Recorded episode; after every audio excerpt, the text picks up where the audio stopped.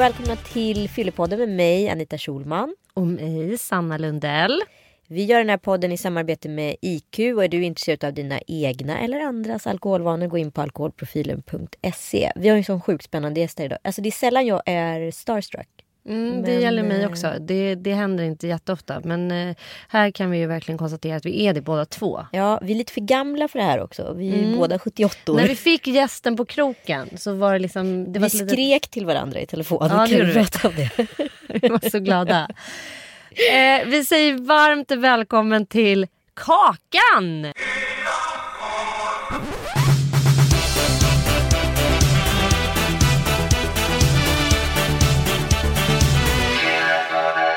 Alltså vi måste ju börja med att säga att vi är så här sjukt starstruck att du ens är här. Nej men sluta.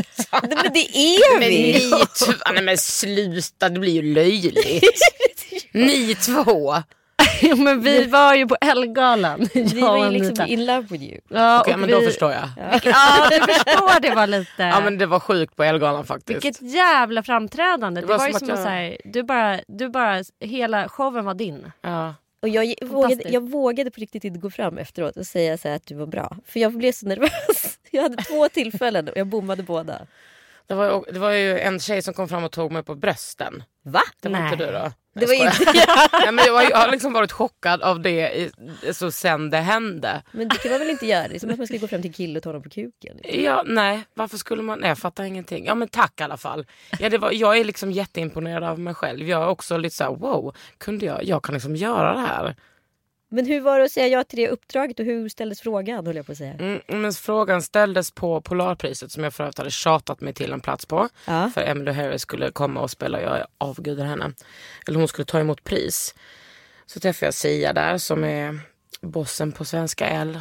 Och så sa hon, Kakan efter galan då ska jag fråga dig en sak om Elgalan. Och då var det som att jag bara, oh my fucking god. För att jag delade ut pris förra året. Ja. Tänkte jag, vad fan har jag sagt nu? Har jag snackat skit om någon? Har jag gjort bort mig? Det var det första som kom till mig liksom. Jag bara, säg det nu. Hon bara, nej men jag säger, säg det nu Sia. Hon bara, okej. Och det, var liksom, det var skitsvettigt och vi stod med så tusen folk. Hon bara, skulle du vilja leda den nästa år? Alltså, om jag vill. Men gud. Ja. Alltså jag blev så chockad och så lycklig.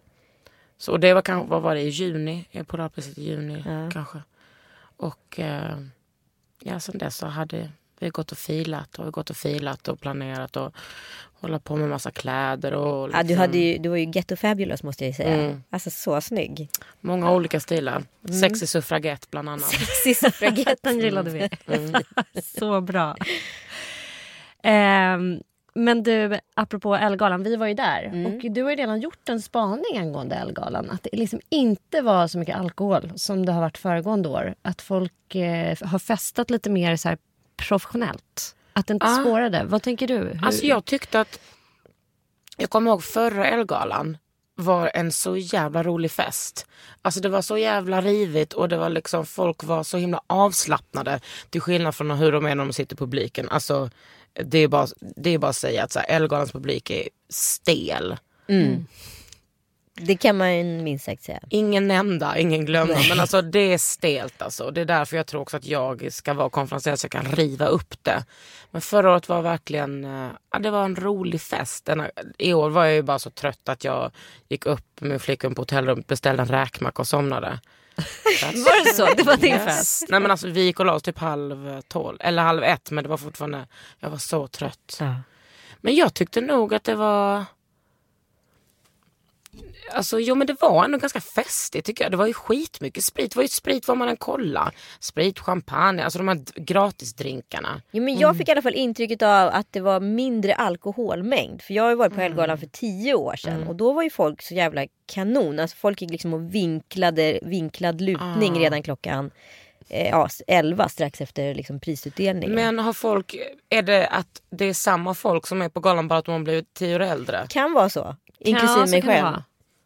Så kan det vara. Men Var det du finns också full? en... Vad sa du? Var du full? I år? Mm. Nej, inte alls. Och jag var också lite besviken för att jag kanske hade tänkt att jag skulle bli lite full. Ja. Men blev inte riktigt. Alltså jag kommer ihåg första gången jag var på Elgalan och liksom psykosen jag fick för att det var gratis sprit. Snodde fortfarande slattar. Ja. Alltså det var en och en halv meter bort så kunde man få liksom hur många gratis lyxiga drinkar som helst. 30 centimeter bort, en gratis slatt. Tog slatten. Zlatan, det närmaste var bäst. Ja. Nej men jag upplever i alla fall som att en yngre generation kanske har något inbyggt att man dricker lite smartare, inte vet jag. Eller hur tänker du? Nej, det tror inte jag. Du tror inte på det? Nej, inte. jag har kompisar i alla åldersramar. Jag tycker inte att de dricker bättre eller smartare. Nej okej. Då är min spaning helt stekt där. Nej men det kan ju bara vara att det här är min spaning, den kan ju också vara stekt. Jag tror, jag vet inte riktigt. Det ser säkert olika ut. Det finns säkert både, liksom, både och. I, i, men jag, vi har i alla fall pratat om det, återkommit till det några Ja. gånger i Fyllepoddarna. Så här. Det känns som att det, det är många som ändå så här, ifrågasätter sitt eget drickande. Det, alltså Mm. när jag var ung på 90-talet då fanns inte det överhuvudtaget. Att någon Nej. pratade om så här, hmm, man kanske kan utveckla ett beroende någon gång om man dricker på det här sättet. Eller, alltså det, det fanns ingen som helst kunskap eller idé om det. När är du Och- född? Jag är född 78. Ja, jag är född 81. Alltså jag tycker nog, alltså jag har ju alltid varit extremt eh, liksom jag var så här, rädd för beroende, alltså ganska kontrollerad, alltid började dricka väldigt sent. Alltså i, jag, jag var full första gången, alltså full, inte kräkfull utan drack lite. Typ avslutningen i nian och då hade mina, många av mina kompisar druckit i flera år men det skulle inte jag göra. Hur kommer det sig att du var så fast övertygad om det? Jag tror att det handlade om eh, dels att jag inte ville så här, jag har varit jävligt stökig innan. På vilket Så- sätt? Nej men liksom så här dampig. Jag var alltid så strulig i skolan även om jag var duktig och så här snattade och det var inte det var inte så positivt välkomnat hemifrån mina föräldrar. Jag ville inte göra mina föräldrar besvikna. Nej. Plus att jag liksom tror att jag alltid har varit lite sådär lillgammal. Alltså, varför ska jag, jag har hela livet framför mig, varför ska jag dricka? Och sen så har jag spelat handboll väldigt länge. Och då var det ju så liksom, man kan ju inte dricka på helgen för då har man ju match. Mm. Eh, och så var det under gymnasiet också, även om jag liksom drack ju då också. Men eh, sen hade jag ju, sen har jag haft så fem år när jag var ung, mellan typ 22 och 26, där jag, inte- jag inte drack någonting. När jag aldrig drack alkohol. Hur kommer det sig? Ja, men det, det började faktiskt med att jag gick på Ölands folkhögskola. Och då när vi var ute i Kalmar och festade så var vi tvungna att åka en buss hem som tog 35 minuter. Och det var skitjobbigt att vara full på den bussen för då mådde man så jävla illa. Så då slutade jag dricka. Jag bara, Jag orkar inte dricka och vara full på den här bussen hem. Och sen bara, vad skönt att inte dricka. Och det är inte som att jag inte har energi det är Nej. inte som att jag bara behöver några glas att eh, veckla, vecklas ut liksom personlighetsmässigt. Men eh, eh, och det höll i sig liksom väldigt länge. Eh, att jag inte drack någonting. Däremot så har jag rökt gräs. Som Ja. det har jag slutat med nu för, ja, men för fyra år sedan. Fyra, fem år sedan. Men då, eh, Vad, har det hänt någonting med dig efter det? Alltså, känner du någon skillnad? ja det är skönt att inte vara bäng liksom. Alltså, det är skönt att inte vara typ så, jag vet inte, man blir så jävla förslappad också av att röka. Hur Men förklarar du ångest? Alltså, folk vill ju alltid hitta så här anledningar varför man har ångest. Du kommer från ett så här jättehärligt hem och verkar ha liksom allt stabilt. Var, var kommer Nej, ångesten jag kommer, ifrån? alltså jag kommer från ett jättehärligt hem, men stabilt skulle jag inte säga att det alltid har varit. Och det är ju inte... Alltså jag tror dels att... ehm, alltså jag kan inte förstå hur man som kvinna till exempel kan leva i det här samhället utan att ha ångest för att vi lever i sånt skitpatriarkat. Plus att jag är lesbisk, jag är tjock och det har jag fått höra varje dag hela mitt liv. Um, jag är en jävligt orolig person. Um, och det har jag ju lärt mig hantera. Jag har gått typ sex år i terapi. Men um, alltså för mig själv så har det så här, ja men det är klart att jag får så här, ta ansvar för mitt eget uh, missbruk. Hur blev du fostrad då, hem, i ditt hem? Hur eh, blev du fostrad i hela alkoholfrågan och i alkoholrelationen? Ja, det liksom? fanns ju inget, det fanns ju inte en chans i världshistorien att jag skulle få smaka någonting hemma. Ingenting. Alltså jag skulle, mina föräldrar, alltså det fanns inte ens på kartan att jag skulle fråga eller ens formulera frågan i min mun, i min hjärna att jag skulle be mina föräldrar köpa ut till mig. Alltså då skulle jag fått typ två veckors utegångsförbud om jag ens hade frågat. Eh, för mina föräldrar var, var hårda liksom. Eh, så det gjorde jag inte utan vi köpte ut från någon kille. Man köpte så här en, en liter rödvin eller vitt vin för 50 spänn som smakar röven alltså. Och så klunkar man i sig det och så var man nöjd på en Åh gud vad äckligt. Det var också så relationen som man hade till till exempel så vin. När man var liten man bara bara klunka i sig det. Ja, men man drack det som man drack läsk. Ja. Och det smakar ju inte så gott då. Nej. Men nu så bara, mm, ett glas vin. Mm, bara, oh. Vad är det värsta du har gjort på fyllan? Men gud. Det är en obligatorisk fråga. Jag Alltså värsta. Mm. Ja, alltså, jag tycker inte så många saker är så farliga. Men när du Men själv, jag själv har- känt att så här, det här, nu gick jag över alla mina Jag egna har nog gränser. slagits en del. Men jag har också slagits väldigt mycket nyktert. Men det är väl att jag har slagits liksom. Har du skadat dig? Eller skadat någon? Jag, jag, framförallt har jag nog skadat många andra. Men det var också killar som skulle ha det som har tafsat på mig. Alltså, då ska man ha det. Men då går du in i så här slagsmål och bara fightas. Om någon börjar slå mig, absolut. Och om någon tafsar, absolut. Det har varit som en feministisk strategi jag har. Alltså om någon kille tafsar på mig, då kommer inte han lyssna på bara ursäkta, det, det där gillar inte jag. Utan då måste den personen liksom få veta att den lever.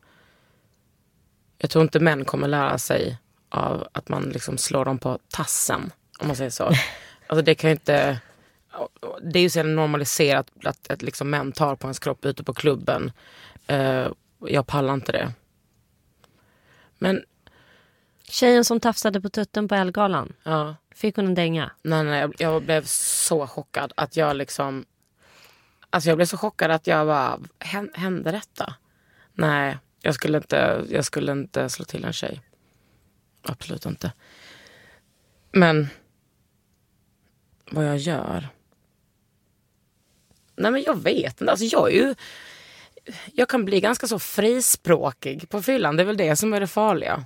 Vad då du ska säga sanningar eller är det liksom? Ja, ja, ja. Alltså, tänk hur mycket sanningar jag säger när jag är nykter. Jag fattar liksom inte hur mycket sanningar som kommer ur mig när jag är full. Vem är det som drabbas av sanningarna? Nej men det är kanske jag i efterhand när jag vaknar upp dagen efter. Bara, usch. Men det finns, jag har typ ingen relation till så här bakfylleångest. Fan vad gjorde jag igår? Så där, det där har jag typ aldrig hållit på med. Eller så här, vem har jag hånglat med? Alltså nej, sånt där. Nej. Ingen sån ågren eller massa skam liksom. Nej. Att du har gjort grejer som du inte riktigt kan stå för eller så. Nej. Någon gång kanske jag visar brösten. Alltså hur det är väl inte det är inte farligt. farligt. Men du, vad, vad, hur ser din relation ut till alkohol idag? Och när var du full senast? Två frågor i en. Men min relation till alkohol är att jag är ganska, eh, jag är liksom ganska trött på alkohol. Alltså inte bara mig själv, så jag är trött på att folk eh, blir fulla. Jag, jag är så jävla trött på det. Jag är så trött på att folk eh, tycker att den brusningen är så viktig. Eh, jag tror nu mer att jag har blivit den här personen som jag tänkte på när jag var eh, 17 och klunkade sån där eh, en liters tetra. Att jag tycker att det är gott att ta ett glas rött. Att jag liksom har landat där nu. Men det är klart att jag, jag tror kanske att jag var full förra helgen när vi var på så här beautykryssning i Åbo. För då var det så frikostigt med vin till maten. Du, du lever ju i, du bloggar ju och är programledare och gör ju massa grejer. Du är en mediaperson. Mm. Ja, Eh, Och bjuds in ju på massa olika event och grejer. Där det ofta förekommer väldigt mycket alkohol. Eh, Tycker du att det är problematiskt? Är det, finns det en risk att man så här, går och småtutar lite varje dag för att man går på någon så här visning eller något? Ja, generellt kan jag tycka det. Jag går ju typ aldrig på de grejerna. Alltså jättesällan. För att jag inte orkar liksom. Eller för att jag hellre vill vara hemma och kolla på typ någon serie med min tjej. Men jag tycker absolut att det finns det. Framförallt så handlar det väl om att en, att om vi är, om alla är lite fulla hela tiden så kommer liksom vi hela tiden eh, sätta gränser för vad som är okej längre fram och längre fram och längre fram. Och att man liksom inte... Alltså vi är ju svennar, vi är så svenniga i att våga fråga om beroende och eh, säga typ så hallå du dricker skitmycket, varför gör du det? Fattar du att det är problematiskt?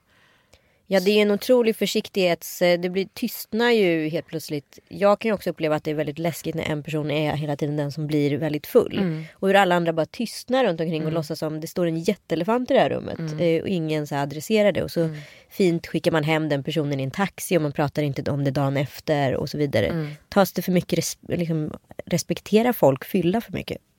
Nej, jag tror att det inte handlar om, om, om bara om fyllan. Det handlar om att vi är om så här, våra sociala, vårt sociala samspel och hur vi inte pratar om det här. Jag menar, jag har också många kompisar som lider av alltså, grov psykisk ohälsa. Och jag menar, eh, alkohol i kombination med det är ju liksom inte bra. Alltså det är inte snyggt liksom. Och det är ju, det blir ju bara jobbigare och jobbigare om man, om man håller på med det där. Sen kommer jag också från liksom ett annat håll med så här, den lesbiska punkscenen där liksom folk alltså verkligen söp något djävulskt och mådde ganska dåligt och där tycker jag ändå liksom det, det var inte, det, kan, det var riktigt jobbigt ibland. Det där tycker jag är jävligt intressant. Att så här, vissa kulturella kontexter eller i vissa så här subkulturer så är det så jäkla accepterat Mm. att dricka. Då är det bara så här, ja men ska du in här då är det bara så här, starta upp dagen Mm. med en vinare typ. Alltså, och att det är så högt i tak och att det förväntas att man ska dricka och då Ja. blir det jäkligt apart om man ifrågasätter det eller man Ja, ska typ helt om man är göra det. musiker eller liksom, ja, men som jag, konstnär. Det tyckte jag, jag märkte, jag gick på Konstfack. Det märkte jag redan när jag gick där att många utvecklade liksom ett beroende för att vi, vi bodde liksom där, vi levde där, vi så här, sov, festade, jobbade och att eh, många blev väldigt bekväma i att, så här, att fylla var en del av vardagen. Ja men normalitet kan ju lätt förskjutas utan att man märker det. Ja, och så är det någonting absolut. som var totalt onormalt för tre år sedan jättenormalt helt plötsligt. Mm. Och att man jobbar så jävla mycket. Att man hittar liksom ursäkter hela tiden för vad som, varför man ska dricka. Liksom. Men det här kanske är en fördom jag har så du får verkligen rätta mig. Men jag har eh, ett gäng flatkompisar och det, det krökas friskt i, i flatkretsar på, eh, på ett så här... Men jag tror att man får liksom inte glömma det heller. Att liksom, vi tror så här 2016 att det är helt okej att vara homosexuell. Eller liksom att vi som är i hbtq-familjen att vi inte har några problem. Men det finns ju många är ju traumatiserade från så här barndomen. Eller från så här, har, vi har numera kanske valda familjer istället för biologiska familjer. För många accepterar inte att vi är hbtq. Och att vi, vi blir hela tiden utsatta i samhället som är jävligt homofobiskt. Och eh, det blir ju ett sånt stort problem när man hela tiden lajvar att vi mår bra. Och att, vi är, att det är normaliserat att vara hbtq. Den liksom glappet mellan att, in, att man inte mår bra och att vi så normaliserar att vi, mår, att vi tror att vi mår bra. Att man måste fylla det med någonting. När, du, eh, när kom du ut? Hur var hela den processen? Vad innebar det också för dig liksom en, en traumatisering? Eller? Nej, inte Nej. alls. Jag tror att det, att det handlar mer om ett, alltså som för många hbtq-personer, ett inre, en inre konversation med typ så, ja men nu måste du nog erkänna för dig själv. Vilket jag tyckte var jobbigt liksom. Men mina föräldrar är ju liksom allt annat än homofober. Men det måste ju vara väldigt skönt. Ja, verkligen. För att det är ju inte alla som kommer från de hemmen. Nej, Nej. de är underbara. Men också, jag kommer också från ett hem där liksom mina föräldrar inte vill höra att det är, gud vad härligt att ni så här har accepterat Karin och bara, vad fan skulle de inte göra det för? De, de är ju mer sådär att varför, det är väl jätteskönt att hon accepterar oss. Alltså det är så här, de vill inte ha någon tacksamhet för att de är så här, eh, stöttande föräldrar för det är så naturligt för dem. De stöttar väl båda sina döttrar liksom. Allt annat vore ju faktiskt väldigt märkligt. Ja men det är ju tyvärr också väldigt märkligt. Vi lever i en så konstigt, konstig värld. Ja, men det är det, det, är det som, alltså, den typen av frågeställning uppstår Mm. ju därför att det är så vanligt att så här, människor blir förskjutna av sina föräldrar. Mm. Och det är helt skamligt att Ja, bli förskjuten. Liksom. Ja, det är som en Men- dubbel skam. Liksom, att man bara Ja. ska säga, jaha, älskar du inte mig nu då? Ja för att jag liksom blir kär i den här tjej. Ja det är så jävla det är konstigt. så jävla sjukt. Nej men de är underbara mina föräldrar och Väldigt så supportive och både till mig och min syster och väldigt så, alltså så himla stolta över både mig och min syster. Det är väldigt fint. De är, ja, ja, jag har en väldigt nära relation med båda mina föräldrar. Alltså som är känslomässig och intellektuell. Jag tycker att de är skitcoola. Och skitstöriga ibland såklart men Jag såg dig och din pappa i På spåret. Det var väldigt roligt att se. Det är lite samma hjärna som så här. Med två olika munnar. Eh, också exakt samma ansikte. lite så också. Alltså, va, hur, är min mamma min mamma? Alltså, det är som att jag bara fått min, min pappas genbank och så typ fick jag min mammas eh, mun. Och min syrra är jättelik min mamma. Nej vad roligt. Ja. Men tycker du att det är skillnad på um, kön och alkohol? Ja, absolut. Jag tror också att vi så här, dricker... Eh, vi dricker kanske olika och vi dricker av olika anledningar och vi blir omhändertagna på, på eh, olika sätt och vi blir helt... Alltså beroende på vilket kön vi har så blir vi också eh, vi blir olika vem vi är på fyllan. Jag tycker så här, män får verkligen, eh, alltså, det är så accepterat för män att vara så jävla aggressiva. Både när de är nyktra och fulla. Eh, men alltså, ibland kan jag tänka så här, varför får män ens vara ute efter klockan tio? varför får män ens vara och dricka? Ja. Alltså deras så här, uh, deras jag vill inte vara i närheten av deras jävla machoproblem men det måste man ju vara hela tiden på krogen. Vi kvinnor måste ta ansvar för deras jävla problem hela tiden. Alltså eh, oavsett om det är att de är aggressiva och bråkar med andra män eller liksom eh, inte kan skärpa sig gentemot kvinnor. Så tycker jag absolut. Och jag tror också att det, att det är mer liksom att vi kvinnor har relationer där vi kanske pratar mer om känslor. Det vill säga där vi pratar om just ja, men, varför dricker du så mycket och dricker inte mer och liksom vi tar hand om varandra, följer med varandra i en taxi hem. Vi sätter varandra i en taxi hem eller sover hos mig. Jag tror liksom inte att alla män har den relationen med varandra för att det, han- det handlar om känslor. Och känslor är feminint kodade och eh, femininitet är förbjudet liksom. Eh, så ja, det tror jag absolut. Jag tror liksom att eh, eh, det är mer... Alltså det är ju liksom eh, okvinnligt att vara full. Men det, Det ja, ju. men absolut, absolut. Jag brukar ofta tänka på så här, Charles Bukowski versus typ Kerstin Thorvall. Eller så här, Marguerite Duras eller någon. Som, alltså hur skammade de här kvinnorna blir som vill knulla och supa och eh, bedöva sig och eh, liksom eh, gona sig.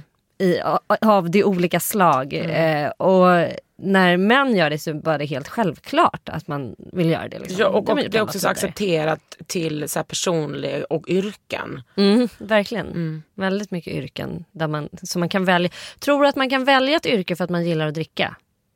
Ja, absolut. Bara, jag tar teatern. det blir bra. Precis. För därför, eller typ jag tar kockyrket eller så Ja, jobba i bar. Eh, Men jag tror, alltså, är det inte lite som så här, synen på så här, män versus kvinnor och sex? Liksom? Om kvinnor vill ha mycket sex så tror folk Nej, hon är traumatiserad, hon vill, det har hänt under hennes Ja, barndom. Alltså hon, en- precis, hon måste ju liksom fylla sig själv med det här sexet för att hon, eh, för att hon mår så dåligt. Tjejer får liksom aldrig bara vara kåta. Alltså, man kan ju väl gilla att vara typ full och vilja ha sex utan att det är något trauma. Och så är det ju med män också. Men ja, det är alltid skillnad på män och kvinnor. Det Eh, Alltså samhällsmässigt inte. Jag är liksom ingen särartsfeminist, obs.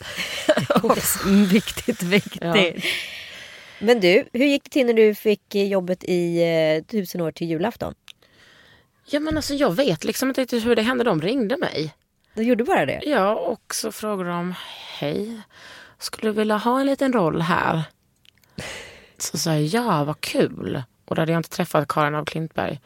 Och så gjorde jag det. Och hon är ju liksom nummer ett proffsigaste person jag har jobbat med i hela mitt liv. Hon är så, ja hon är allt. Och då ehm, så gjorde jag en roll. Och sen så gjorde jag liksom tio eller elva till. För att det gick eh, väldigt fint. Det gick bra. Eh, det var inte mer med det. Men alltså det, det, det var så himla roligt att göra det. Jag skulle kunna göra om det. Jag vill göra, och det var hemskt när vi var klara. Hur lång tid tog det att spela in? Ett år. Ett år? Wow. Jobbade från oktober till oktober. Herregud. för att få med alla årstider. Ja. Och så jobbade vi var femte vecka typ en vecka. Men då var jag bara med en eller två dagar. Alltså, men jag jobbade ändå hela året där typ. Ja, alltså jag skrattade så alltså hysteriskt mycket när du var med. För du lyckades också med någonting som alla så här, män många gånger kommer in och gör. De är så här en rolig sidekick och, Mm. och när en man klär sig ut till en kvinna så blir det fruktansvärt roligt. Typ som Johan Rheborg och Morran. Liksom. Mm. Alla kvinnor blir liksom drabbade och träffade. Och jag tror att du hade den också funktionen som kvinna i en man. Mm. Eh, det fanns en massa liksom, manliga grejer du bara. Var, du, var du inte Bellman? Jo, jag var Bellman Alltså, och drack riktig sprit. Fy Ja, fan, det var- Var det berätta, riktigt hur var det? Alltså när man, så är det på liksom historieätarna och eh, julkalender.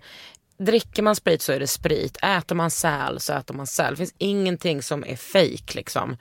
Eh, och så var det ju för barnen också. De drack ju såklart inte sprit och de rökte inte tobakscigaretter. Men det var ju, allting är riktigt. Ja. Nej, det är inte kul att dricka sprit klockan tio på morgonen. Nej, såklart inte. Men hur var? Blev du packad? Nej, jag drack kanske fem klunkar. Lite, alltså lite Lite smålullig. Ja, men jag tycker liksom att det är det som Karin är väldigt bra på. Att istället för att... Eh, men, att liksom de här maskulint kodade uttrycken kan hon liksom slänga in mig i... Alltså jag behöver inte vara man för att ha de här typiska maskulina eh, uttryckssätten. Utan jag kan vara rodda madam och se helt flatig ut. Eller bara så här, som en rivig så här, arbetarklasskvinna på vad fan var det 1800-talet. Det är Liksom att det för, att man, kan, man kan vara lite olika. Möjligt, det är det som jag tycker är så fantastiskt att liksom barn 2015 fick se det där. Att så här, kvinnor kan vara de här gördel, vad heter det, korsettkvinnorna men de kan också vara ta i och jobba i fabrik. Och liksom, alltså, vi är mångfacetterade. Och jag tror, alltså jag har aldrig haft så många weird moments som nu efter liksom, julkalendern. När typ jag är på stan och typ man bara märker att det står små barn och tittar på en. Livrädda. Var det faste Brillo som... Ja, alltså alla tant Brillo, det är ju väl alla. Så jag, jag var ju en, inte en speciellt skön person någon gång under de avsnitten jag var med. Och Karin var så här, du är så övertygande i allt du gör. Jag bara, men det är oroväckande. Ja, men du, du- du är fantastiskt roligt. Jag hade ju min son, eller min son är ju med här idag. Och jag berättade att så här, men det är hon som är med, som var Rodda Madame. Och, och han var ju bara så här, hur impad som helst. Ja, Jag såg att han var helt blyg när han hälsade på dig. ja. Men Det är du, kanske ehm, inte så konstigt. ni fick ju ändå lite kritik. Det kom ju en liten kritikerstorm kan man säga. Apropå just det här att så här, Och hur barnen känns det drack. när man har jobbat i ett år? Ja, Nej men alltså jag tänker att, att det liksom är så här, vi är, alltså 2015, där nådde vi nog vår peak. Där människor tolkade demokrati som att allas jävla åsikter om, om allting var något värt. Man bara, vem bryr sig? Alltså vem fan bryr sig om du tycker att det är jobbigt? Och, kolla inte på, på julkalendern då. Nej, Mm. Det är inte mer med det. Nej, men alltså, det är ju som att folk tycker, alltså alla ska ha en åsikt om allting men alltså, allas åsikter är liksom inte jätteviktiga. Men också när blev det intresse för alla att eh, vara liksom programmakare och göra en julkalender bra? Precis. mm. Eh, Men eh, jag tror också att många är irriterade på att Lotta och Erik är tillsammans och får göra program efter program efter program.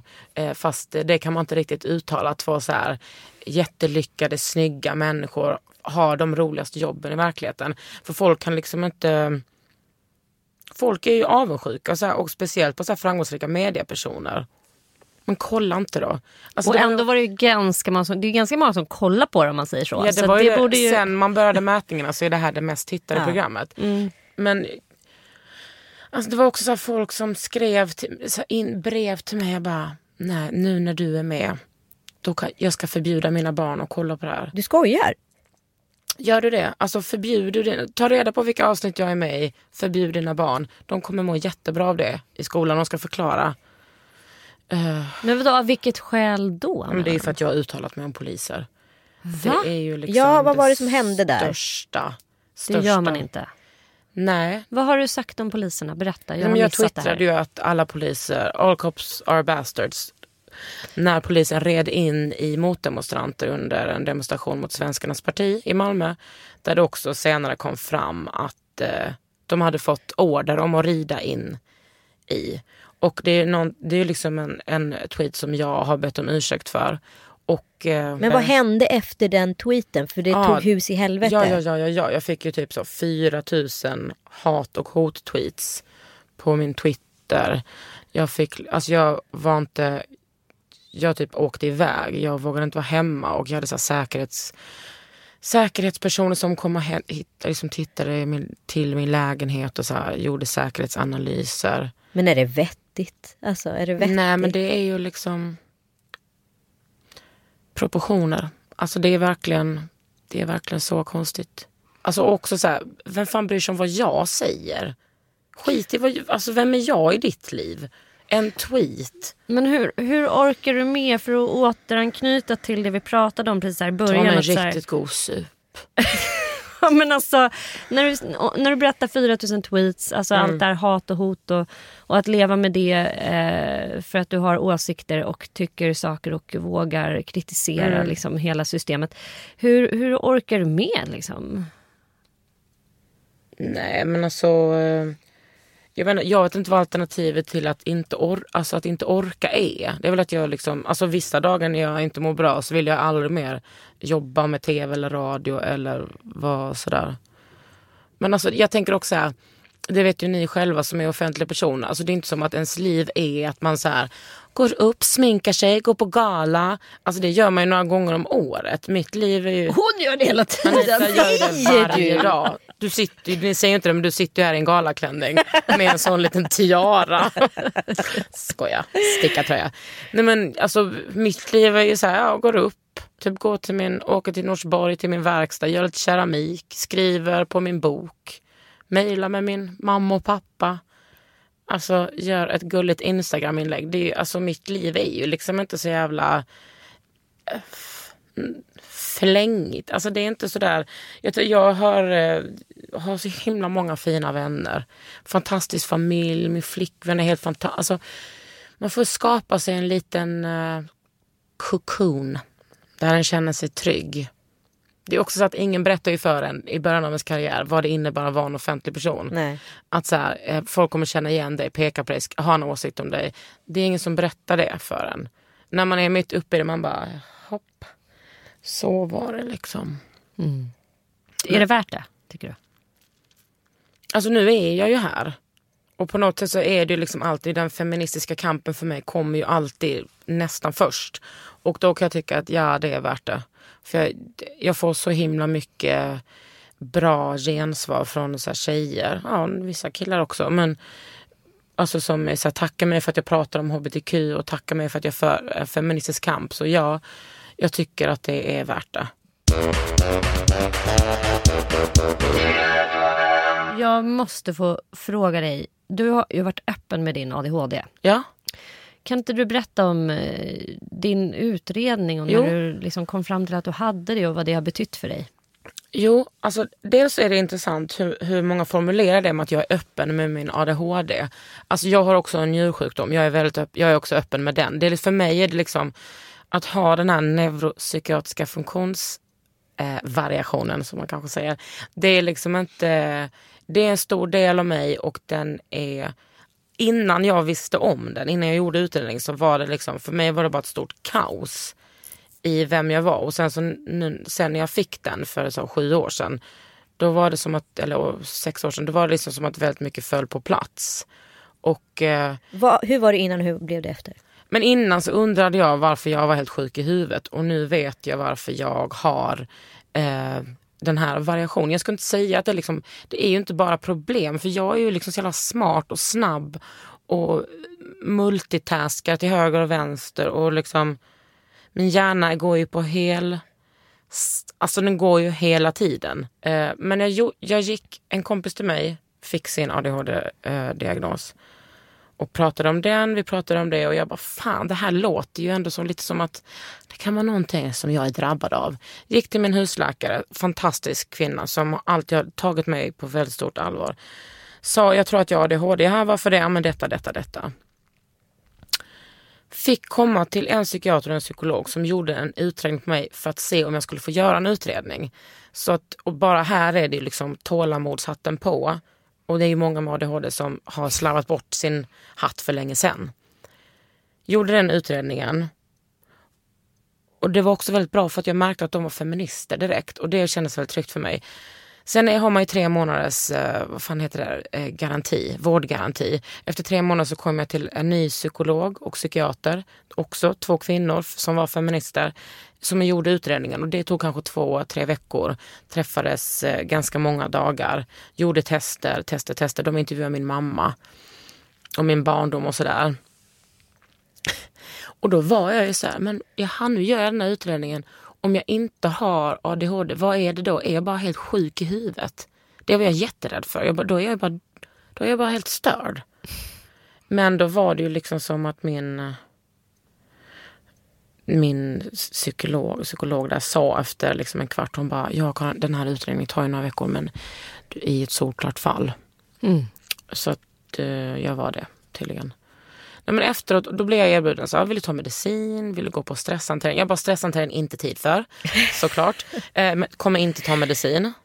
Eh, äter en antidepp och har gjort det liksom i hundra år kommer inte hålla på med det där. Utan då testade jag liksom att sluta äta kolhydrater och verkligen någonting som jag påminner mig själv om hela tiden att jag måste stressa ner.